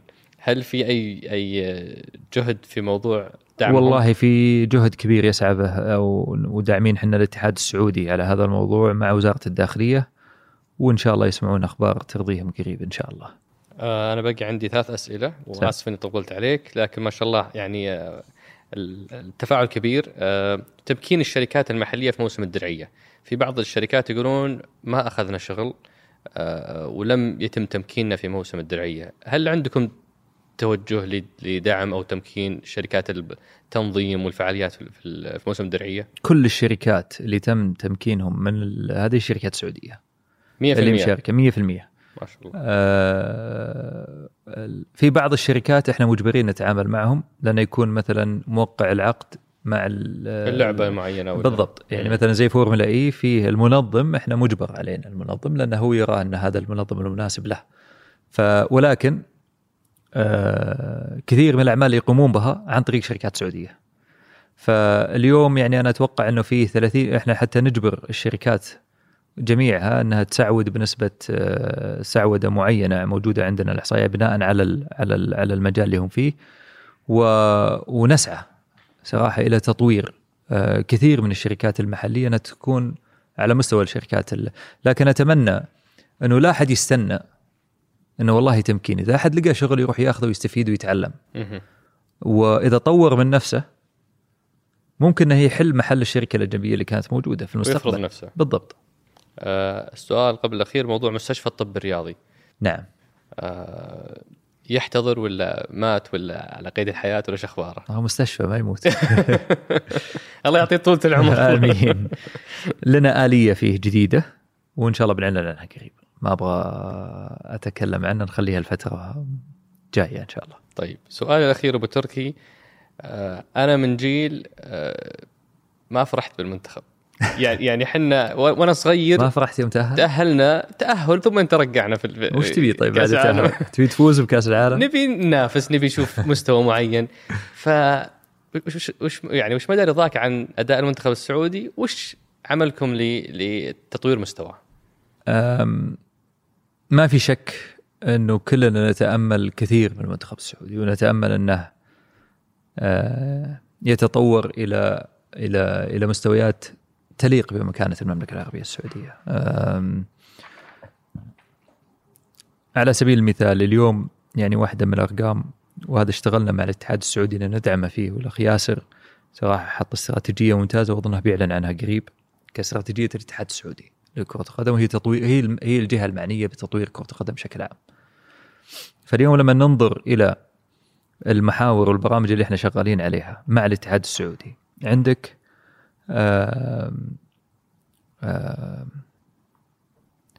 محاور كثيرة آه، تتمحور في تطوير المنتخب السعودي. عندنا برنامج الابتعاث اللي اعلنا عنه. برنامج الابتعاث هم شريحة من المنتخب الشباب اللي شارك في كأس آسيا وفاز بكأس آسيا وشارك في آه، كأس العالم اللي فات للشباب. آه، 40 لاعب موجودين في إسبانيا في أكاديمية اليوم ويتمرنون بشكل يومي. برنامجهم من 7 الصباح إلى 7 المساء آه، لتطوير من بنيتهم الجسمانية الآن. الآن. وممكن أنكم يعني رتب لكم تروحون تزورونهم وتشوفون إيش برامجهم اللي قاعدين يسوونها. وهذول حيلعبون 40 مباراة في ال- حينقسمون لفريقين وحيلعبون 40 مباراة في في ال في ال في الموسم. للأسف إن شريحة الشباب هذول اللي أعمارهم 18 سنة وفوق آه، لأنه ما عندهم مكان في الأندية فكان الأندية توقع معهم ويقعد على الدكه. فما يلعب. من هذول الأربعين ما في لاعبين اللي شاركوا العام الماضي في 45 دقيقة أو أكثر في 15 مباراة. فهذا هدر لإمكانية هذول الشباب. ولا لهم محل ثاني يروحوا له. فأخذنا هالمجموعة وحطيناهم في في برنامج آه، ما هو معسكر يعتبر وما هو سهل قوي.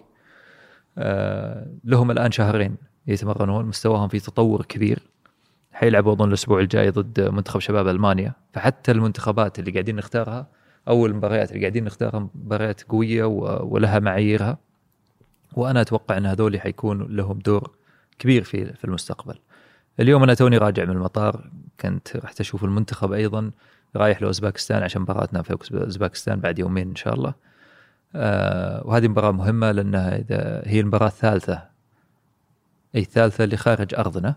وإن شاء الله إذا قدرنا أن إحنا نفوز على اوزباكستان هو أقوى فريق في المجموعة. في المجموعة مقارنة فينا يعني. وباقي المباريات القادمة إن شاء الله حتكون على أرضنا فلنا الأفضلية فيها. آه، لكن اليوم لما نجي نفكر في المنتخب لازم نفكر في وضع معايير وبرنامج لهذا الموضوع. اليوم موضوع الأكاديميات اللي قلت لك إحنا شغالين عليه.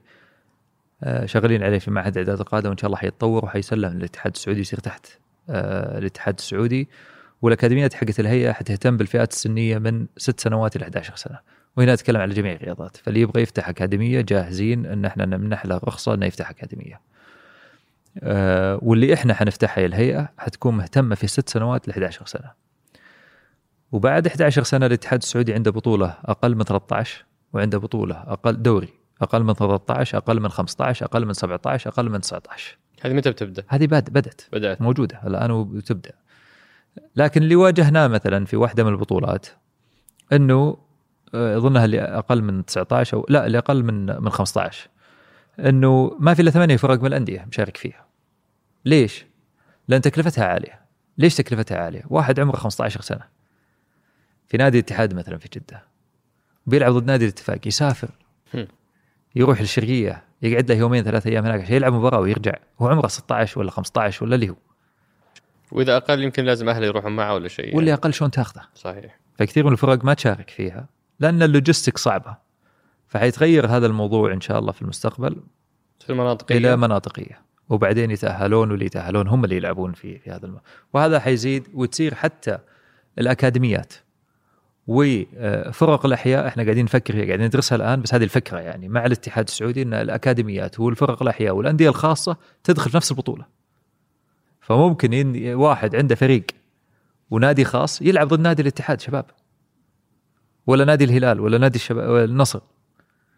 ويلعب معه ممكن يفوز عليه ممكن ينهزم. بس هنا حيوريك الفرق بين ال ال ال الأندية الخاصة وبين الأندية ال- العامة اللي فيها يعني ال- ال- المفروض أنها تكون متخصصة في هذا المجال. وهذا حيزيد من الممارسة مرة ثانية. فهذا عندك جيل حيطلع متكامل في موضوع الممارسة في لعبة واحدة. فتخيل إنك لو طبقتها على باقي الرياضات الأخرى. بس هل عندنا أهداف ل 2022 2026 نعم. 2030 و- وش يعني مستوى المشاركة حق المنتخب السعودي في كأس العالم؟ لا هي أنت مش مش مستوى المشاركة أنت على البطولات اللي موجودة. فالآن البطولة اللي قادمة عند الأولمبيات. أقل من 23 مهم. وبيروح المنتخب الآن عشان يشارك فيها. عشان التصفيات آه، للمنتخب اللي آه، أقل من آه، في 2020 أقل من وبعدين عندك بطولة كأس العالم في 22 بعدين عندك كأس آسيا.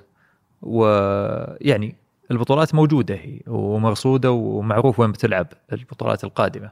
فأنت لازم تضع الخطة لهذا الموضوع. اللي أبغى اللي أبغى أجيب لك يعني مثال عليه وإحنا اللي إحنا اللي أنا أقول لك لازم نصبر على عمل أي شخص. شخص يجي خلال شهرين ثلاثة شهور يقوم عليه الجمهور يقوم عليه الإعلام ويقدم استقالته ويمشي هذا لن يفيد أي أحد حتى لو في أخطاء. بمعنى إنه إحنا في عام 94 اللي هو أفضل أداء لنا كمنتخب في كأس العالم وصلنا دور 16 فزنا على بلجيكا صح ولا لا؟ نعم. كم كان ترتيبنا في كأس العالم؟ أه كم تصنيف مجموعة ولا- لا آه. كتصنيف منتخب ما أذكر حول 31 أظن أو 32 يمكن تأكدون من هالموضوع كم كان ترتيب بلجيكا؟ أقل مننا اليوم كم ترتيبنا؟ وكم ترتيب بلجيكا خلال 15 سنة جيل أرجع أقول لك إنه جيل نعم. اشتغلوا عليه هم بعد هذيك البطولة حطوا برنامج اشتغلوا على جيلين أو جيل واحد بس فريقين فكان عنده فريق بي وفريق إي ركزوا عليهم. اليوم بلجيكا الأول في العالم وإحنا السبعين. فإيش اللي صار خلل؟ اللي صار إنهم حطوا استراتيجية واشتغلوا عليها لمدة 20 سنة. طلعت جيل متكامل قاعد يمثل البلد قوي. ويمارس في أفضل ال- ال- ال- الدوريات وأفضل المنتخبات وصعدوا للمركز الأول. ترتيب تصنيفهم اليوم في تصنيف الفيفا الأول. وهل حطينا إحنا اليوم الاستراتيجية؟ هذا اللي إحنا اشتغلنا عليه الآن. وإن شاء الله ياسر أنا ما أبغى أقول شيء عن يعني عن كلامه ولا أبغى أتدخل في شغله ولكن إن شاء الله ياسر بيعلن عنها كرئيس اتحاد. آه، و آه، في استراتيجية محطوطة لمدة عشر سنوات. فاللي أنا قاعد أقوله إن اليوم بعد دايز ولا بغيرة إذا انحطت استراتيجية وانحطت آلية للعمل يجب أن نلتزم بها ونتحمل. تتعدل. أكيد إنها تتعدل أثناء السنين وأكيد حنتعلم وحتطور. وأنا ما أقول إن إحنا في شيء مكيف لنا حتروح تجيبه وتطبقه على أرض الواقع. لازم إنك أنت تتكيف تعدل بأرض وتطور. ما في شك. الرحلة. وأيضا حتزيد من الكفاءة ال ال ال ال من من إمكانيات الكفاءات اللي موجودة أصلا عندك. فهذول حيكتسبون خبرة وحيتعلمون أشياء كثيرة. فيجب أن تضع آلية لهذا الموضوع وتشتغل عليها ويصير في لها متابعة. ولكن إذا احتاجت تعديل تتعدل. ومن أهم هذه الأشياء هو الاستقرار المالي والاستقرار الإداري. صحيح. مو معقول إنك تحط أنت برنامج لمدة خمس سنوات ولا عشر سنوات والسنة الثانية ما عنده ميزانية مثلا. كل الشغل اللي اشتغلته في السنة الأولى والثانية راحت. صح. وتبدا من الصفر. فإذا إحنا ما حطينا هذه الآلية ولا أعلنا عنها ولا التزمنا فيها عمرنا ما حننافس الدول اللي حطت هذه الأشياء لأنها حاطة برنامج. ال- اليابان مثلا حاطة أنها حتنافس في كأس العالم يمكن تجيب كأس العالم في 2050 متى بدأت في الاستراتيجية؟ في 98 52 سنة. 52 سنة استراتيجية. والآن أربع رؤساء اتحاد أو خمس رؤساء اتحاد وماشيين على نفس الاستراتيجية. ف وهذا اللي إحنا نأمل إن شاء الله ان, يعني نحصل عليه. ما في شك. استراتيجية ما في معلنة. وهنا اللي أرجع أقول لك على حديثنا في الأول إنه الرياضة ما عاد هي للتسلية. صناعة. الرياضة صارت صناعة. صحيح. ولازم تبني أجيال عشان تأدي في هذه الصناعة. أنا جدا ممتن لك أبو شكرا تركي. لك. يعني لن أجد ختام أجمل من هذا الختام للموسم وتشرفت بك. شكرا لقبول الدعوة. الشرف لي وأتمنى أنكم يعني تسامحوني إن قصرت في شيء. ما منك قصور والله يوفقكم إن شاء الله. يا رب يا كريم. شكرا جزيلا هلا وسهلا. مع نهاية هذه الحلقة نكون ختمنا موسمنا الثاني. ودائما أقول بودكاست سقراط قام على الأصدقاء.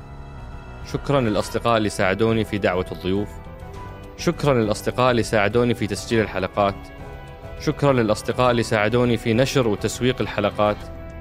وشكرا لكل الأصدقاء اللي يشاركون معي بشكل مستمر مقترحات التطوير والتحسين للبودكاست. أنا عاجز عن شكركم. أصدقاء سقراط شكرا لدعمكم المستمر. شاركوا هذه الحلقة مع من تعتقدون أنها تهمهم. شكر خاص للشريك الإعلامي مجموعة ون.